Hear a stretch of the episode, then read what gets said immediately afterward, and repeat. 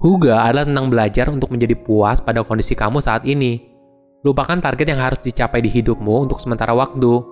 Nikmati waktumu bersama orang yang dicintai dan bersikap baiklah dengan dirimu sendiri. Halo semuanya, nama saya Michael. Selamat datang di channel saya, Si Kutu Buku.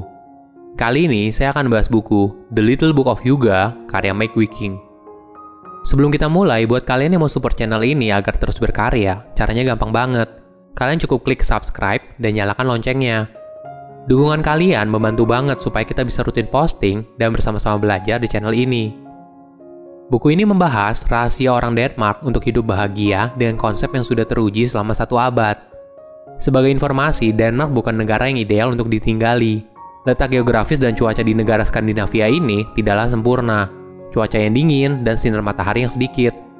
Selain itu, Denmark juga menerapkan pajak yang tinggi.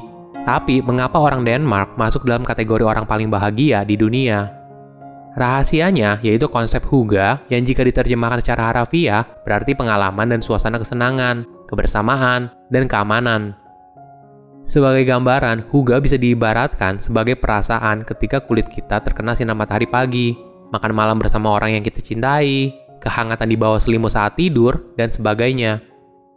Wiking juga menjelaskan bagaimana pengaturan suasana dan cahaya yang tepat ternyata mampu berkontribusi dalam menciptakan huga dalam hidup seseorang. Tentu saja semua ini berujung pada hidup yang lebih bahagia.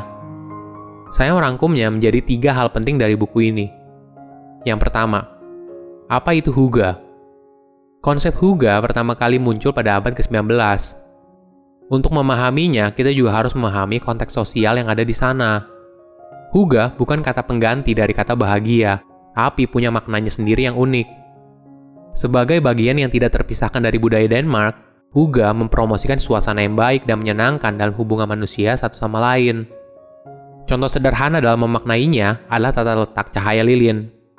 Menurut orang Denmark, cahaya lilin bahkan bersinonim dengan Huga, jika kamu penasaran kenapa desain lilin saja sangat berpengaruh pada kebahagiaan, jawabannya ada pada letak geografis Denmark, yaitu cuacanya sangat dingin dan zaman dulu orang Denmark menggunakan lilin jauh lebih banyak daripada orang di negara Eropa mana pun.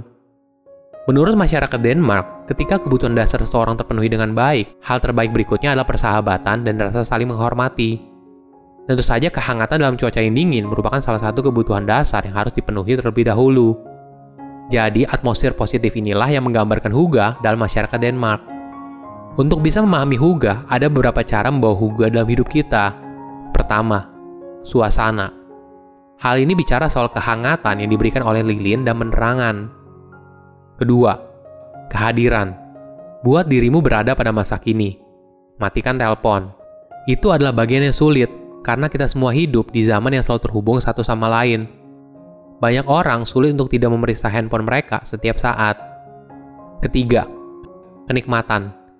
Hal ini bisa seperti kopi, teh, coklat, kue, permen, dan es krim. Segala jenis makanan yang bisa memberikan kamu kebahagiaan. Keempat, kesetaraan. Utamakan kita daripada saya. Ini artinya kita harus membagi tugas dengan setara.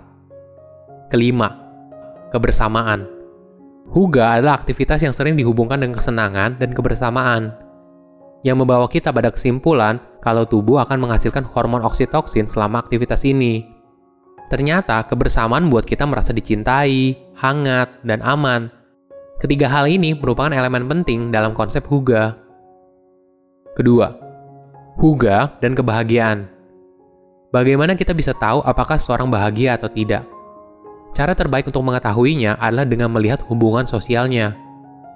Huga bicara soal perasaan, kebersamaan, bersosialisasi, daripada soal barang yang bisa kamu beli. Hal ini bisa berupa bersama dengan orang-orang yang kita cintai, rasa kekeluargaan, dan rasa aman.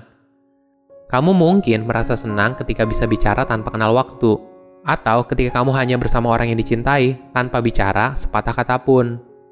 Atau bahkan hanya menikmati waktu sendiri sambil meminum segelas kopi Apa pun bentuknya, yang penting kamu merasa bahagia. Penelitian selama beberapa dekade menunjukkan bukti yang mendukung adanya korelasi antara hubungan manusia yang erat dan kesejahteraan. Orang yang lebih bahagia memiliki jumlah kualitas persahabatan dan hubungan keluarga yang lebih besar. Itulah sebabnya Huga mungkin menjadi salah satu alasan mengapa Denmark selalu mendapat peringkat kebahagiaan yang tinggi. Bahasa dan budaya orang Denmark juga berperan dalam memprioritaskan untuk menghabiskan waktu bersama orang yang dicintai dan mengembangkan hubungan yang berkualitas dari waktu ke waktu. Ibaratnya, cara orang Denmark berpikir tentang Huga sama seperti cara orang Amerika berpikir soal kebebasan. Itu adalah bagian dari identitas nasional mereka. Sebagai informasi, Denmark memiliki budaya yang kuat dalam meningkatkan standar hidup warganya. Wiking menjelaskan, anggaran pemerintah Denmark banyak ditempatkan pada sistem kesejahteraan, jaminan sosial, kesetaraan, dan keseimbangan hidup dalam bekerja. Inilah salah satu alasan kenapa pajak di Denmark sangat tinggi. Hebatnya, mayoritas masyarakat di sana memiliki kesadaran membayar pajak yang baik, karena mereka pikir itu merupakan salah satu cara mereka untuk berkontribusi menjadi warga negara yang baik. Jika mereka membayar pajak yang lebih rendah, maka mereka bisa membeli mobil yang lebih bagus. Tetapi, tidak akan buat mereka lebih bahagia, karena berarti ada sebagian masyarakat yang hidupnya kurang baik. Ketiga, 5 dimensi Huga. Huga bisa menjadi konsep yang abstrak, tapi juga bisa dikaitkan dengan suatu yang nyata, yaitu melalui lima panca indera yang kita miliki. Wiking menjelaskan lima dimensi Huga untuk membantu kita memahami konsep ini. Pertama, aroma dari Huga. Aroma yang dimaksud bisa berarti semua hal yang manis dan menyenangkan buatmu. Mungkin bisa seperti aroma dari pengharum ruangan yang kamu suka, atau parfum yang biasa dipakai oleh orang yang kita cintai. Aromanya mampu memicu rasa aman dan kenyamanan. Kedua, rasa dari huga. Yang ini sangat sederhana dan mudah untuk kita hubungkan. Rasa huga adalah segala sesuatu yang manis dan menghibur. Mungkin kamu penasaran kenapa hal yang manis karena orang Denmark mengkonsumsi makanan manis dua kali lipat lebih banyak daripada rata-rata negara di Eropa. Ketiga, suara dari Huga. Suara Huga sebenarnya terkait dengan tanpa suara. Dengan tidak adanya suara, kau bisa mendengar suara-suara kecil yang menenangkan, seperti tetesan hujan di atap, suara angin di luar rumah, atau bahkan suara serangga di malam hari. Suara apa pun yang kamu kaitkan secara pribadi dengan lingkungan yang aman dan nyaman bisa menjadi huga. Keempat, perasaan dari huga. Perasaan ini dapat berasal dari kontak fisik atau dirasakan dalam hati. Misalnya, seperti berlindung di balik selimut yang hangat saat tidur di malam hari. Kelima, melihat huga. Denmark sangat bangga dengan pencahayaan mereka, yang memainkan peran utama dalam melihat huga. Pencahayaan redup dan lembut lebih disukai karena selain kamu bisa melihatnya, kamu juga bisa merasakannya. Huga adalah tentang belajar untuk menjadi puas pada kondisi kamu saat ini. Lupakan target yang harus dicapai di hidupmu untuk sementara waktu. Nikmati waktumu bersama orang yang dicintai dan bersikap baiklah dengan dirimu sendiri.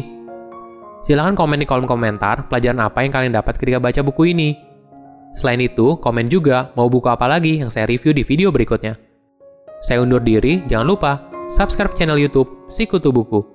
Bye bye.